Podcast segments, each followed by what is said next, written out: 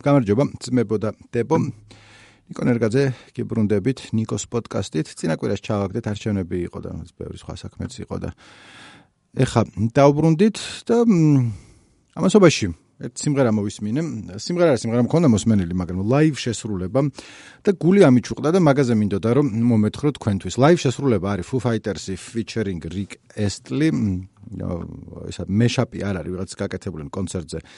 იმღერეს ერთად და რაღაც მე მაგის ამბებს კითხულობდი და მე კიდე სხვაგან წავედი და ეხა მაგებს მოგიყვებით. ეხა მიჭირს ხოლმე მის დაალაგება ვინ რამდენი რამე იცით და რა უნდა მოუყვე და რა არა ხა რიკესლი საკმაოდ ცნობილი ადამიანია ამიტომ ძალიან აღარ მოუყვები მაგრამ ნუ მაინც ვიტყვი რომ 2007 წელი გავიდა რიკროლინგის გამოგონების შემდეგ რიკესლი იყო 80-იანი წლების ხა ცოცხალია მაგრამ ნუ იყო 80-იანი წლების ერთი ჰიტის ავტორი რითაც დავიწყე, რაც წავიღინე თავიდან, never gonna give you up. Na na na na never gonna let you down. Never gonna run around and desert you. და ბევრი იყო one hit wonder-ები რო არიან, ეგეთი ტიპი იყო, სხვა სხვა ჰიტებიც ქონდა, მაშინ ცნობილი, მაგრამ ნუ ძირითადად ამ ერთი სიმღერით შემორჩა ისტორიას, როცა ეს სიმღერა ჩაწერა, იყო 21-ის თუ 22-ის იყო, თავისი სიმღერა არ არის, ანუ სხვების დაწერილია თან უბრალოდ მღერო და და best of 80s რაღაცა კომპილაციები რო არის ხოლმე, იქ ჩითავს ხოლმე რაღაც human league-ის და რაღაცეების კვერდით, თუმცა human league უკეთეს ჯგუფი იყო, მაგრამ ნუ მაგას მაგას შევეშვათ. და მე 90-იანების დასაწყისში დაანება თავის სიმღერას. 27-ის იყო თუ რაღაცა თქვა, აღარ შემილია, რაღაც აღარც ეყიდებოდა, მაინდა-მაინც აღარც პოპულარული იყო და ფული ქონდა ცოტა როგორც თონყვება და რაც დაждდა სხვა რაღაცებს აკეთებდა თავის პონჩი. ამ ხნის განმავლობაში ვიდრე ეს one hit wonder-ი იყო ნო პირველი დონის ვარსკვლავი არასდროს არ ყოფილა და თვითონაც იცოდა რაღაც ამბებს ყვება Rolling Stones-თან ინტერვიუში რომ ერთხელ აუზზე ვიყავიო ეს 80-იან წლებზე ალაპარაკი. და უცებო პლანტი მოდისო ჩემთანო ლედზეპელინისო და დავიბენიო რა მაგის პირსახოთზე ხო არ ვზივარო თუ რაღაცაო ხო რა უნდაო ჩემგანო და ის მოვიდა უფრო ფოტო გადავიღოთო რომ ჩემს ნაცი მიშვილია თუ დიშველი არც პლანტის დედმა მიშვილების ნეფიო ესე ეწერა ინგლისურად რომ მოკლედ იმას გაეხარდებაო და ნუ ამას მაგრა გაეხარდა რომ პლანტმა იცის ეს ვინ არის საერთოდ და ფოტოს გადაღება უნდა ამასთან და მე რა სხვა დროსო ბარში ვიყავიო და ოზი ოსბორნი იყო იქო და სვამდაო და რაღაცებს რომ მელაპარაკებოდა რა აი კონცერტზე რომ წახვალ აი ტიპების ნომრებს მოგცემო ძალიან მაგარი მუსიკოსები არიან რომ გამოღალღებაო რაღაცებს რატო გამოვაჯავრე არ ვიცი მაგრამ ნუ ეს ენაებმებოდა როგორც შანს თუმცა ამას რეკასლი არ ყვება და მე რო ცოლი მოვიდაო შერონიო და ოზისო მაგრა ეჭხუბაო რომ ტვინსო რატო უბურღავ ამ კაცო რაც უნდაო შენი გრძელთმიანი სუნიანი ხალხიო მომსო სხვა ხალხი ყავსო კონცერტზეო და ძალიან უცნაური იყო ანუ ეს მორიდებული იჯდა როგორც პრინციპში ჩვენ ვიცდებოდით ოზი ოსბორნი რაღაცებს გვიხსნიდეს რომ კონცერტზე როგორ უნდა წახვიდე იმიტომ რომ არ იყო რიკესლი მაგდონეზე არასდროს გასული და მით უმეტეს რომ გავიდა წლები 2000-იანი წლები მოვიდა და ეხლა შენი რიკესლი ვიღაცები ცნობენ ალბათ მაგრამ ნუ შეიძლება ქუჩაში ისე გავია გაიაროს რომ ვერ მიხვდე ვინ არის კი უმეტესობა ვერ იცნობს და ამ დროს გაჩნდა ინტერნეტი. ნუ ინტერნეტი არის უკვე კაი გაჩენილი, მაგრამ ნუ რაღაცა. YouTube არის შედარებით ახალგაზრდა და ერთ-ერთი ყველაზე უფრო მაგარი მიმი რაც არსებობს ინტერნეტის ისტორიაში მიმოლოგიაში ითვლება ჩემი აზრითაც ეგრე არის recrolling recrolling არის ეგეთი რაღაცა რომელიც 2007 წელს დაიწყო რომ ვიღაცას უგზავნი links რომ ეუბნები რომ ნახე რა მაგარი რაღაცა ის დააჭერს ხელს და გადადის YouTube-ზე და ირთვება Astley-ის სიმღერა never gonna give you up never gonna no no no let you down რატო no რატო წავიღე ვიცი ტექსტი მაგის. არაერთხელ მომისმენია და თან ყველაზე კაი მემი რატო არის რომ აზრი ამის უკან მაინდა-მაინც არ დგას ანუ რაღაცაა კი არ არის პროსტა кайფია რა ჩვეულებრივად ნამანამანამნა დაიწყო საიდან ახლა რომ ფორჩანის ფორუმებზე ვიღაც ტიპმა რომელიც ცნობილია სახელმწიფოს არ მოვიწერე არ ამოვწერე რაში გჭირდებათ დადო ლინკი რომ ნახე GTA 4 გამოდიოდა მაშინ თუ GTA უნდა თქვა რაც Grand Theft Auto ოკეი და მაგისი ტრეილერიაო და რო დააჭერდი ეს სიმღერა ირთვებოდა და მე რეცონის ტიპი ყვებოდა რომ უბრალოდ შევარჩიე რომ უსმენდიო მაგრამ 80-იანების პლეილისტი მქონდაო და რაც საკაიფო სიმღერა იყო და თან სასაცილო კლიპი აქ ეს პლაში აცვი ამ რიკესლის რომ და სასაცილოდ მოძრაობს ცეკვავს რაღაცნაირად მოუხეშავად და თან რო შეხედავ პატარა ბიჭია რო შეხედავ რა არის პატარა ბიჭი იქა და ხმაგროძნერი ესეთი და მოკლედ რა და შემდეგ აიტაცა ხალხმა ესა და აიტაცა რომელია ანუ მარტო 1 აპრილს ამ ვიდეოს ემატებოდა რამდენიმე მილიონი ნახვა, იმიტომ რომ საპირველ აპრილოთ უგზავნიდა ხალხი ერთმანეთს. იყო ერთ-ერთი პირველი ვიდეო, რომელმაც მილიარდ ნახვას გადააჭარბა. რაც ეხა ბევრი არის ეგეთი ვიდეო, მაგრამ თავის დროზე რამდენიმე იყო სულ და მათ შორის ესეც არის სულ მე მგონი 4 ვიდეო 80-იანი წლებიდან მუსიკალური ვიდეო, რომელსაც მილიარდზე მეტი ნახვა აქვს და რაღაცა ბილი ჯინი აჰას თეიქონმი კიდე რაღაცა ის არ მახსოვს კიდე ერთი რა არის და ესა. მოკლედ ეგეთი ის იყო და რიკ როლინგ და უცებეს რიკასლი დაბრუნდა ყურადღების ცენტრში. არ საიდან რა სახში იჯდა და შვილმა უთხრა რომ დიდი გოგო ყავდა მაშინ 25-ის თუ რაღაცა რომ ეგეთი რაღაცა ხდებაო და შენ არ გაგიტყვის რომ შენზე არ არისო. შენი კონტი კი არ არისო პროსტა ტიპებმა არჩიეს უცებ ეს სიმღერაო და ეხლა ცოტა ხანი პოპულარული იქნები ისევო და აღმოჩნდა რომ იყოს კონცერტებზე ეძახოდნენ რაღაცა და ყველამ never gonna give you up-ზე ელაპარაკებოდა. და რიგესლი თავიდან კი არ დაიგრუზა ვაფშე მაგრამ ნუ აი ინტერვიუებში ამბობს რომ ჩემი სიმღერა რო არ არისო მე მღერი ვარო პროსტაო თანო კონტექსტიო ის კი არ არისო ვიღაცას ჩემი სიმღერა გაუსწორდაო. უბრალოდ თო кайფიაო და მე მაწყობს ანუ შემოსავალი მეტი მაქვს რაღაც კონცერტებზე მეძახი ანუ და кайფობო მე თვითონაცო რა თუ რაღაცა აყვებითო кайფშიო მაგრამ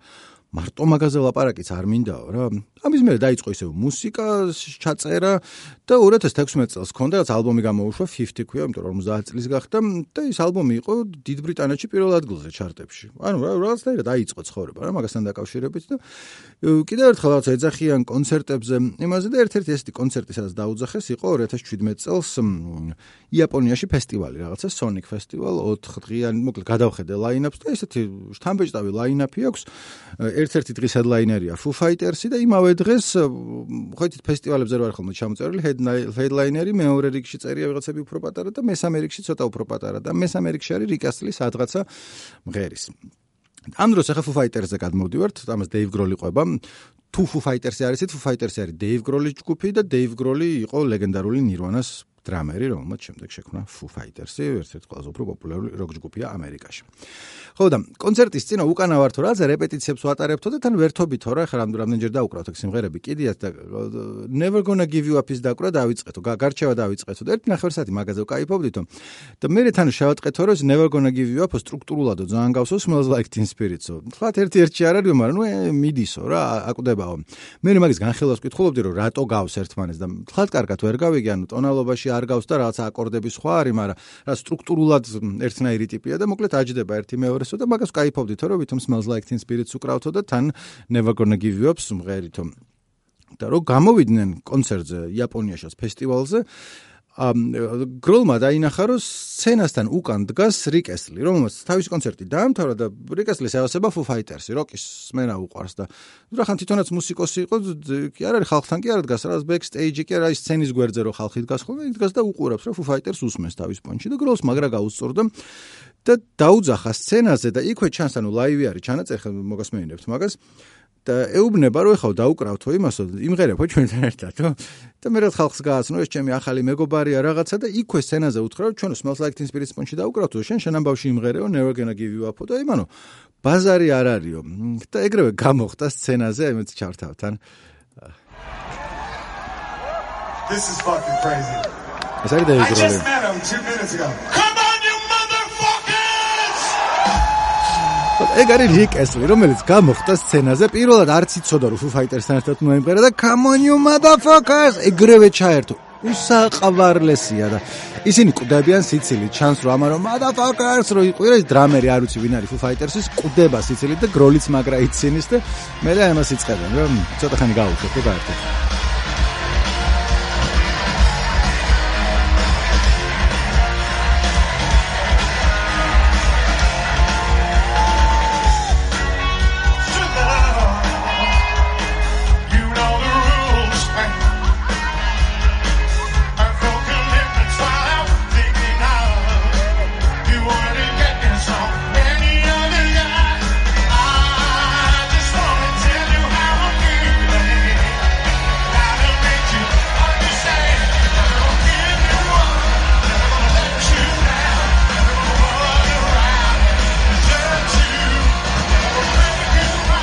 რიკეს ლიშეცი მაგარი პატივი რომ თვითონ ამ სიმღერაზე აღარ გიждდება, ნუ ახლა ხვდებით, აი მაგისი არ არის შემთხვევით გახდა მაგითი ცნობილი თავიდან, მაგრამ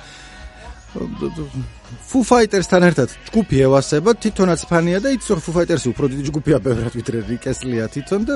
შანსი აქვს რომ გამოვიდეს და მაგათთან ერთად შეასრულოს და თან იცის რომ მაგაზე кайფობენ, მაგრამ კი დაცინიან ან რაღაც кайფის პონჩია, თვითონაც იღებს ამაში მონაწილეობას და თან მღერის კარგად, ანუ სცენაზე მოძრაობს, ადვილი ხო არ არის Foo Fighters-თან ერთად გამოხვიდე და არც მაინამაინც ღრიალებს, ანუ იმას კი არ ცდილობს რომ კობეინივით იმღეროს ან რაღაცა. არა, თავის პონჩი, მაგრამ არ ოკებს რა, აი ნახეთ.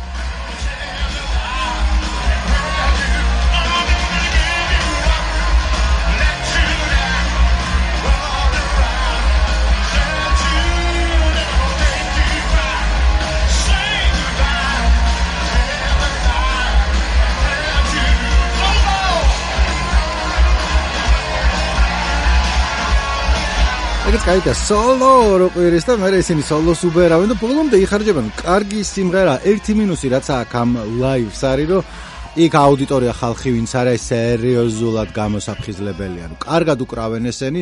და თავიდან როწყებს you know the rules და მე უშვერს ამათ ხალხს მიკროფონს და so do I უნდა იყვირო. არა ჩუმად არიან იმასავით, იმიტომ რომ დეგენერატები არიან. მაგრამ ბოლომდე ძალიან მაგარი ლაივი არის და მე ერთხელაც იყო ეს არის 2017 წელი და მე მე მგონი ისევ 2017 წელია თუ არ ვიცი რაღაც პანდემიამდე აიგეც მაგრამ უფრო ახლოს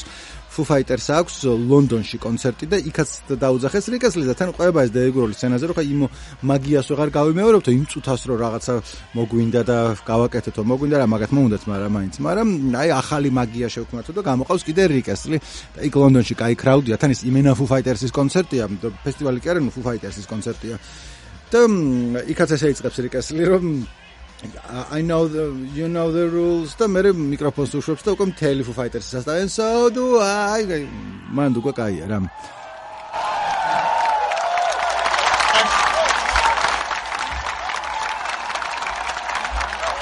ამ დასკვნა და რაღაცა ეცა You know it.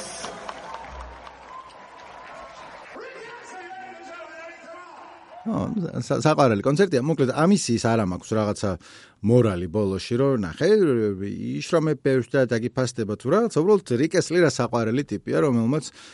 ახალი კრეატიული სიცოცხლე ნახა ძალიან შემთხვევით ინტერნეტ მიმის გამო და შემდეგ რა ვიცი ცხოვრობს მაგითი რა გამოდის და ისედაც ქონა მე მგონი შემოსავალი ბევრს როკსტარივით არ ცხოვრობს და არ ხარჯავს მაგრამ ხანდახან შანსი აქვს რომ გამოვიდეს სცენაზე Foo Fighters-თან ერთად და შეასრულოს თავის სიმღერა და გაერთოს თვითონაც და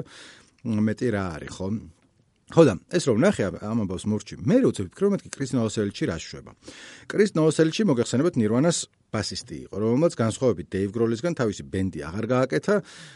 ან შეიძლება რაღაცებს უკრავს ხოლმე არ ვიცი რა გამოდის ან შეიძლება რამე ჯგუფის წევრი არის მაგრამ ნუ ფუ ფაიტერსის პონჩი არ არის რა ხან ხან არის ხან არ არის რაღაც. თან ისეთ ვიზია კოლეჯის პროფესორი წვერიანი სათვალიანი უფრო ნერდი არის ვიდრე გროლი როკენროლა კაცი იყო ყოველთვის და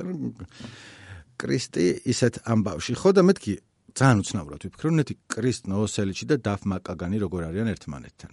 და დაფ მაკაგანი თუ არიცით არის იყო განზენ როუზის ბასისტი. ეგორი რატო გამახსენდა გეტყვით და მე გეტყვით ესენი რატო არიან ერთად? რომ 92 წელს განზენ როუზის და ნირვანას ჰქონდათ ძალიან ხმამაღალი დაპირისპირება ბიფ ხაშლამაც თარგმნი ხოლმე მე ქართულად შუღლი ქონდათ ერთმანეთში, ერთმანეთს აგინებდნენ და ეს ყველაფერი 92 წლის MTV-ს Video Music Awards-ზე, ვიდეოების დაჯილდოებაზე მიაღწია ამ ყველაფერმა პიკს და კინაღამ ხელით შეეხნენ ერთმანეთს და მაგის მერე გაბაზრდა ეგ ამბავი. და ამას მოგიყვებით, იმიტომ რომ კონფლიქტია და საინტერესოა, საიდან წამოვიდა და როგორ. მოკლედ განზენ როუზის მოგეხსენებათ 90-იან წლების დასაწყისში ერთ-ერთი ყველაზე დიდი როკ ჯგუფი ამერიკაში და მსოფლიოში და პარალელურად ამ დროს გაიჩნდა ნირვანა რომელიც ასევე ერთ-ერთი ყველაზე დიდი როკ ჯგუფი არის ამერიკაში და მსოფლიოში.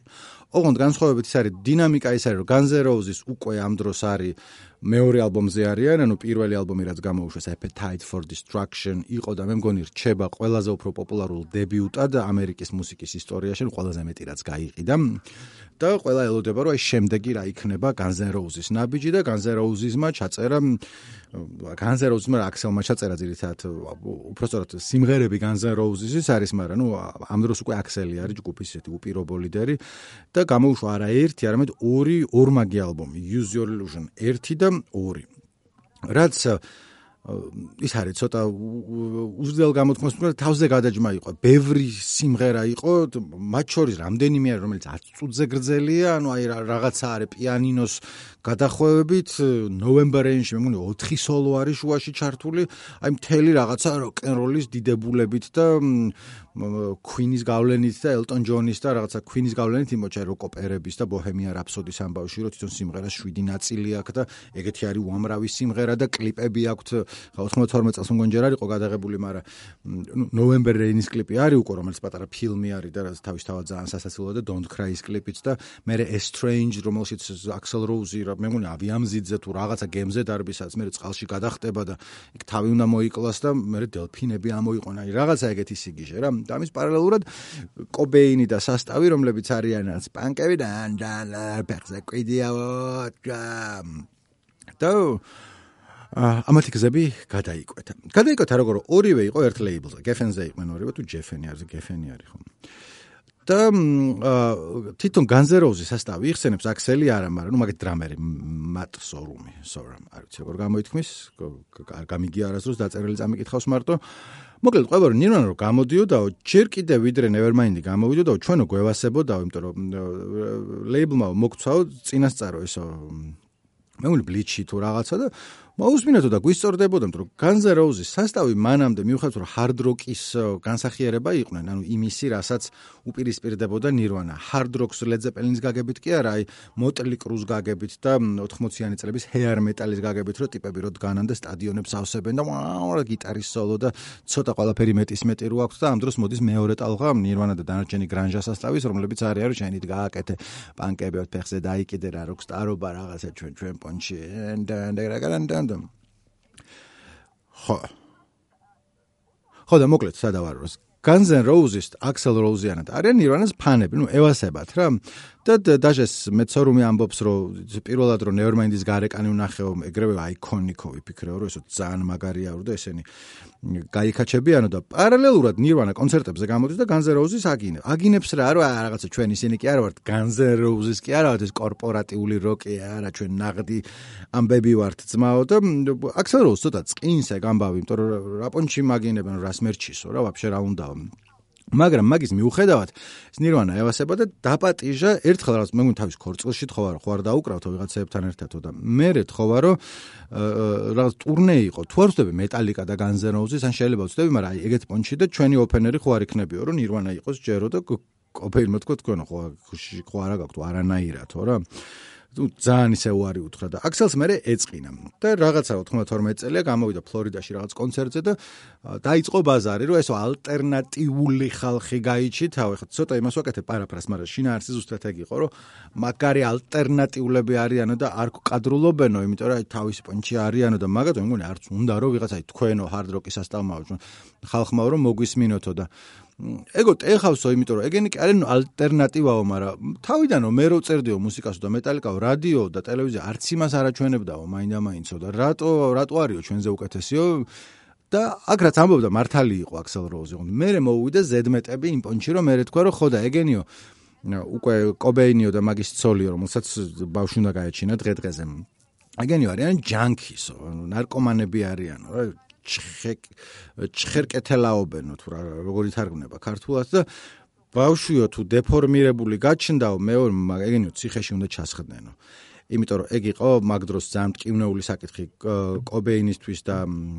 კორტნილავისთვის, რომ თორსტები Vanity Fair-ს ქონდა სტატია, სადაც იყო ნახსენები, რომ კორტნილავი ჰეროინს იკეთებდა, როცა ორსულად იყო მაგაზე. რომელსაც ესენი უარყოფდნენ და ამბობდნენ, რომ ეგრე არ იყო, მაგრამ ნუ ძალიან რაღაცა რა დააჭირა აქსელმა მაგ იმაზე, რომელიც ისედაც განიცდიდნენ. და მოკლედ, გაიარა მაგამ ბავმა და არის 92 წლის MTV Music Awards. დღევანდელმა ბავშვებმა არიციან და თავის დროზე MTV Music Awards იყო ძალიან დიდი ამბავი მუსიკაში. Video Music Awards ესე ერქვა, სადაც წლის ვიდეო უფრო ახალგაზრდული იყო ვიდრე Grammy, უფრო მნიშვნელოვანი იმ წუთას, იმიტომ რომ MTV უფრო მნიშვნელოვანი სასტავი იყო ვიდრე Grammy და რაღაცეები, MTV-ზე რო იჩითებოდი, მე იჩითებოდი და ტიპი იყავი. და 92 წელი იყო კაი წელი მუსიკისთვის. ანუ მაგ დროს იყვნენ ნომინირებულნი Nirvana იყო, Smells Like Teen Spirit-ისთვის, Guns N' Roses იყო Video of the Year-ზე არა, მაგრამ November Rain-ისთვის, ბოლოს ყველაზე მეტი აიღო Red Hot Chili Pepper-მა Give It Away, Give It Away, Give It Away Now-თვის და Under the Bridge-იც იყო რაღაცა სხვადასხვა ნომინაციებში წარდგენილი. Video of the Year ატომღაც აიღო Van Halen-მა სიმღერით Right Now, რომელიც ალბათ უმეტესობას არ აქვს მოსმენილი, თავის დროზე MTV-ზე იყო ხოლმე სულ და ნუ ალბათ არ არის ცუდი სიმღერა, მაგრამ დანარჩენი იქ ისეთ სიმღერები იყო, რომ რა Van Halen-ის აიდან მოიტანეს, არ ვიცი. მაგრამ anyway, დიდი ამბავია ამათ დაჯილდოება. და მე ესე იხსენებენ რომ იქ MTV-ს ერთ-ერთი ტიპი რა, რომ ბენდები ვინც უნდა შეასრულონ არიან ამ უკან ტრეილერებში, სადაც კონცერტი არის იმის უკან რა. ეს ტრეილერები შედარებით პატარა და ნუ გარეთ აბირჟავებს ყველა, ზოგი სვამენ, ეწევიან, ზოგი არაფხიზელია, ზოგი ესეა, ზოგი ისეა. და ხო თან ეს აქსელი რომ ამბობს რომ ჯანკიზ არიანო კობეინი და მაგისი ცოლიო ეხა ანუ დანარჩენში ვეთანხმები რომ ცოტა ცხვირს უბზოებდნენ ზედმეტად მაგრამ თვითონ ხა განზეროუზის არ აქვს ალაპარაკო მაინდა მაინც რომ ვინმეზე რომ ეგენი ნარკომანები არიან თვითონაც არაფერს არ იკლებდნენ საერთოდ კი არა პირიქით მაგის განსახიერება იყო განსხვავება ერთი ის იყო რომ აი კობეინის ნარკომანობა და მაქსასტავის იყო აი რაღაცა ელისინ ჩეინზი და დანარჩენები ვინც იყვნენ აი ამ განწყობით იჩხირავდნენ ხოლმე და დანარჩე განზეროუზის და ისინი იყვნენ ლა ლა ლა ლა ლა ლა ლა ლა ლა არ ვიცი, განსხვავება შემოვიდა თუ არა, მაგრამ ნუ ერთი იყო ფრას დეპრესია, გრანჟი და მეორე რომ წავედით ბოთლი თავზე გადავიმტრიოთ, ვინმეს გადავამტრიოთ და გაუყნოსოთ რაც იყნოსება თუ არა, რაღაცა ეგეთი ამბები. აა ხოდა, იქ ავართ რა, ტრეილერებში არის ხალხი, გარეთ აბირჟავებენ და სკობეინი არის, მაგის ცოლი კიდევ ვიღაც სასტავი, წამოწოლილები და ბავშვი ყავს ხელში, ფრენსის ბინი, რომელიც რამდენიმე კვირის არის. და ამ დროს ჩამოიარა აქსელმა ერთ ხუთ დაცვასთან ერთად და თავის გერლფრენდთან სტეფანი სეიმურთან ერთად. ესენი მიწოლილები არიან და კორტნილოვმა დაუძახა აქედან რომ აქსელ ბავშვს მომინათლავო აშკარად ცინიკური ხმით რა will you be a godfather to our child და ესასტავებს პანკები მიყრილები მოკვდნენ სიცილით რომ რა კარგად მიაჯეს აქსელს და აქსელს მაგრა ეწინა ეგა და წამოუხდა და დაუწყო ყვირილი. და კობეინს დაუწყო ყვირილი რომ shut your bitch up ესე უთხრა შენი ძუკნა გააჩუმეო თორე თავს გარტყმევინებო ძირსო or i will take you to the pavement ესე თქვა ინგლისურად თუ მაინც მე ციტატა გაინტერესებდა ესენი ცოტა დაიძაბნენ ანუ ჯერთ ამას ბავშვი უჭირავს ხელში კობეინს და ის კი ავარ და არ არის ფხიზელი და რაღაცა მაგრამ ნუ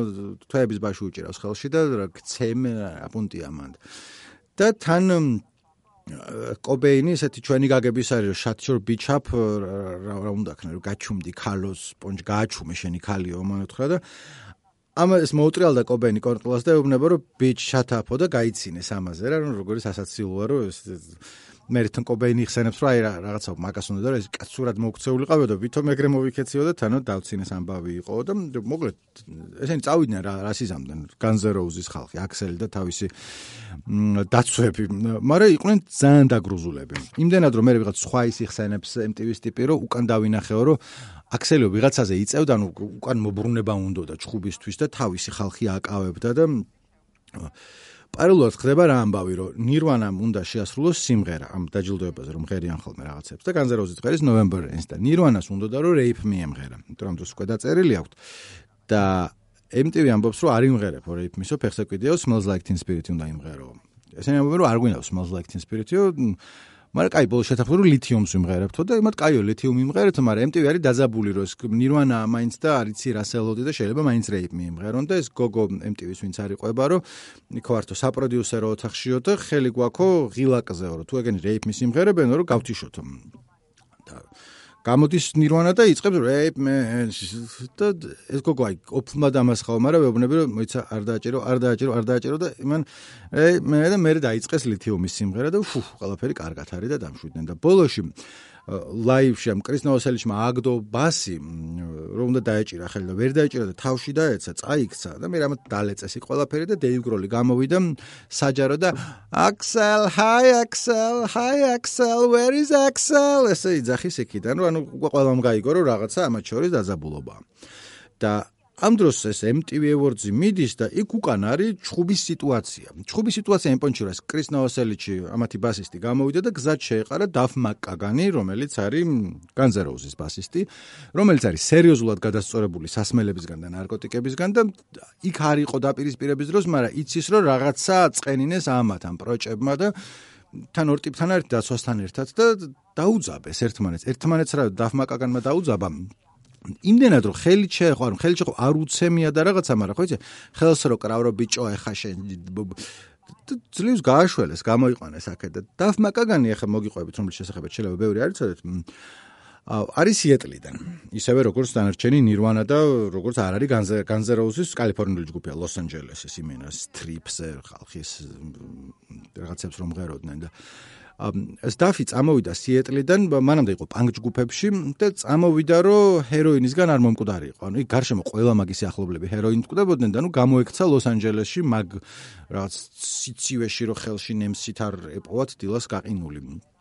და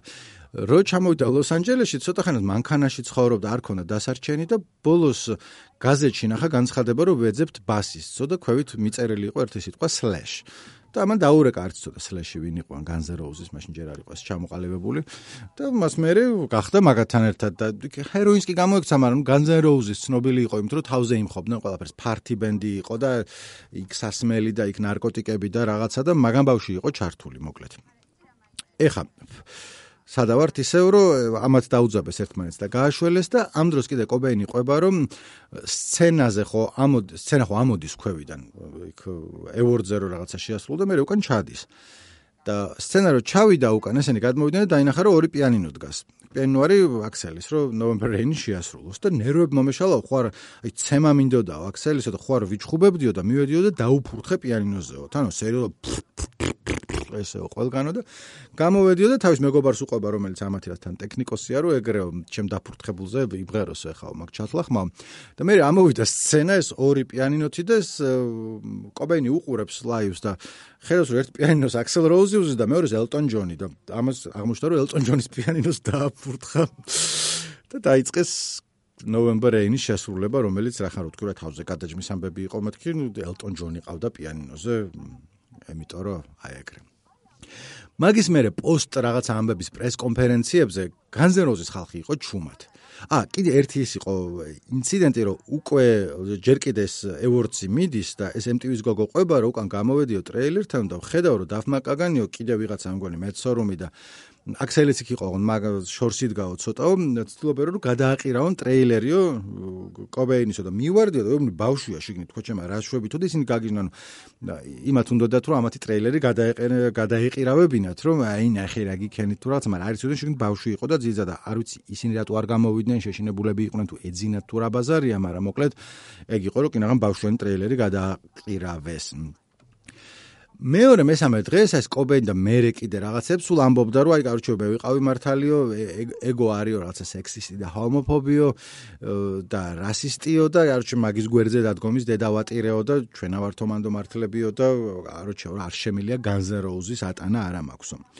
თვითონ განზეროუზის კომენტარს არაკეთებდა ერთი და მეორე მეორე დღეს უმეტესობა იყო შერცხვენილი. ანუ აქსელ როუს ამაზე არ უთქვამს მაშინ არაფერი ეს დაფმაკაგანი ყვებოდა რომ მეო მეორე დღეს დამირეკავ ჩემი მენტორი არისო ბასისტი ვიღაცა რომელიც არ ვიცოდი ვინ იყო ვიღაც ქალი არის სიეტლელი ეგეც რაც ბებერი პანკი და რაღაცა და მაგრა დამაჯვავ რა რა რა შვებითო თქო ჩემო და ძალიან შემრცხავა მეორე დღესო და და მე ნელ-ნელა მორჩა ეს ინციდენტი ანუ კობეინი იგინებოდა რაღაცებს, ესენი ჩუმად იყვნენ და გავიდა. მე ცოტა ხანში მოკვდა კობეინი და რომ მოკვდა, უკვე აი შერიგება ქონდათ რანაირად დაწყებული, რომ ერთი დეიგროლი იხსენებს, რომ კობეინი რომ მოკვდა, პირველიო ვინც დამერეკა მეტსორუმი იყო, ანუ განზეროუზის დრამერიო და მითხრა რომ როგორ ახარო და რაღაც გითანაგზნობო და ესო ძალიან მესი ამოვნაო, რომ აი პირველ პირველი ვეჯერზე ეგრევეო რაღაც პარაზეჟისკის პონჩი დამირეკა და ძმა იყო მაგარიო. და ეხა დაფმაკაგანს მოუბრუნდები რომელიც ამ კრისტნოოსელისთან კინაღამ ხელით შეხება ქონდა და დედის ტრაკი აგინეს ერთმანეთს და სავარაუდოდ დაფმა უფრო აგინა. დაფი გამოფხიზლდა მაგის მერე ანუ იმ დღეს კი არ გამოფხიზლდა გადააგდო ნარკოტიკები და სასმელი და რაღაც იოგა და ვარჯიში და რაღაცეები დაიწყო და ჩაფიქრდა თავის ცხოვრებაზე და ვიდრე მაგას გააკეთებდა სახში მიფრინავდა სიეტლში და ერთი რეისი იყო ერთ რეისი იყო ნეგდა კობეინი და იყო კობენისთვის ყოლომამდე ან წინა დღე იყო და ან ორი დღით ადრე. ერთ-ერთი ბოლო იყო ვინც ნახა მოკლედ რა. და ერთად მიფრინავთ და მე მგონი გვერდი გვერდ არის ხნ მაგრამ ახლოს იყვნენ და ბევრი არ გულაპარაკებო მიმესალმეთო რაღაცაო და მე მგონი გაეხარდა ჩემი დანახაო თავი დამიქნიაო და ჩვენო ჩვენი გაგჭირვებოდაო რა. მე ჩემ დემონებს ვებძოდიო ესე წერს თავის ბლოგში. ისო თავისასო და აი რაღაცნაირადო მთელი გზაო კიო არ გულაპარაკია ბევრი მაგრამ ერთად ვიფრინეთო და რომ ჩამოვიდო ბარკს რო ველოდებოდითო ფიქრობდიო რომ სახში ხوار დავპატიჟონ გვე ახლოს ცხოვრობთო სიეტლში ერთმანეთთანო და გამიწა ვერ უთხარიო რა რაღაცა ესე ვიდექი და ხელი აუწიო მე ხელი ამიწია და დავიშალეთო და მე ქემოკვდა კობეინი ცოტა ხნის მერე. და მაგის მერე აი ეს ძალიან განიცდიდა რა მაგაგანი მაგამბებს რომ რატო ვიქცეოდით ესე საშინლად მაშინ რეალურად ხა ორივე კარგად სულად იქცეოდა მაგრამ ნუ ესენი უფრო ის იყვნენ რომ მოდი შენი დედა გადავატრიალო და ტოქსიკური მასკოლინობა და რაღაცა მთელი ამბები. მე რანჩენი სასტავი ვინც იყვნენ აი გადაიკვეთ ანელნელა მაგათი გზა. ანუ შერიგდნენ სპონში როგორ 2010 წელს. აა motorhead-ის ლემი ასრულებდა სადაც კონცერტზე იყო არ ვიცი ზუსტად ace of spades რაც მეტალის კლასიკას და დეივ გროლი იყო დრამზე და სლეში გიტარაზე. ანუ თითქოს ადრე დაპირისპირებული ბანაკებიდან ხა ერთად იდგნენ და სლეში იმ ამბავში არ იყო ჩართული მაშინვე. ანუ ამბობდა რომ იმათ რომ ჩხუბი რო დაიწყესო მეო გამოვედიო არ შემეძლო მაგათი ესე კუნთების კაჩავი და დატოლება ვის უფრო დიდი აქო. მერე აა განზენ როუზის ქონდა რაღაცა ტურნე უკვე ცოტა ხნის წინ რა 2015 თუ 16 რაღაც მაგ დროს და ფეხი მოტყდა. და სცენაზე ვერ გამოდიოდა და დეივ გროლმა ათხოვა ტახტი რომლითაც თვითონ ფუ ფაიტერზე მღეროდა ხოლმე არ ვიცი ზუსტად რა ტახტი არა ნუ ეგლაივი აღარ მინახავს მაგრამ მე რეაქსელი წერდა ტვიტერზე რომ დეივ გროლი მაგარი ძმა არისო ეს მათხოვაო რაღაცაო რომ სცენაზე გამოსულიყავიო და დიდი მადლობაო და რაც რო კონდა რაღაცეები ეწერა და რაც შეეხებათ კრის ნოოსელიჩს და დაფ მაკაგანს ორივენი ხო იცი აქსელი დღესაც მღერის დეივ გროლი როკსტარია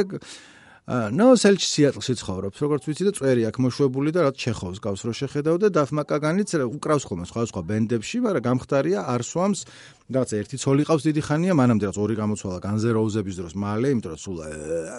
ესე იყო და ეხლა რაც ფხიზლად არის ორი ციგნის ავტორია ნახევრად ავტობიოგრაფიის ნახევრად რჩევების რაღაცა ეგეთის და და მეგობრობს კრის ნოოსელიშთან იმდენად რომ მეორე ციგნი რო დაწერა რაღაცა ქვია რა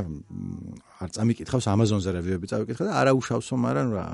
how to be a man and other illusions მე მგონი ეგრე ქვია და მაგ ციგნის პრეზენტაციაზე სიეტლში თხოვა რომ ნოუსელიც რომ მოდიო შენცო და ერთად ისხდნენ და ლაპარაკობდნენ და მე პატარა ისა აქვთ. იმპროვიზირებული პერფორმანსი ნოუსელიც ხელში უჭირავს გარმონი, თუ არ ვიცი, აკორდეონი, აკორდეონი ალბათ გარმონი ხო არ ეჭირება, მაგრამ რაც პატარა ეს ტიპი სპაკაგანი გიტარაზე უკრავს და ასრულებენ Sweet Child of Mine, ანუ განსაკუთრებული რაღაც პერფორმანსი კი არ არის, მაგრამ ნუ აი ხო იცი, ციგნის პრეზენტაციაზე რომ რაღაცა პატარა შეასრულებო, ხალხი რომ მოვიდა რომ რაღაცა გქონდეთ და ძალიან გული სამაჩუყებელი იყო. თან ეხლა არის 2015 წელია რომ უკვე რაც ნათრევი როკსტარები რომ რამდენი რაღაცა უნახავთ რომ VMA-ზე ერთმანეთს აფურთხეს და მოდი აქშენი დედა და იქ წავედით და იქ კობეინი ფრენსის ბინთან ერთად და გარშემო რაღაცა იქით give it away give it away now სასრულებდნენ Hot Chili Peppers-ი და რაღაცა მთელი ამბები და ეხლა ხო იცი რაც თეატრში არიან და ციგნის პრეზენტაცია აქვს და ამას უკრავენ ერთად და მაგაზე ამიჩუყდა გული. და ძირითადად ხო ეს ორი ამბავი მქონდა მოსათხრობი. მადლობა რომ გვისმინეთ გვისმინეთ რა მისმინეთ დროვებით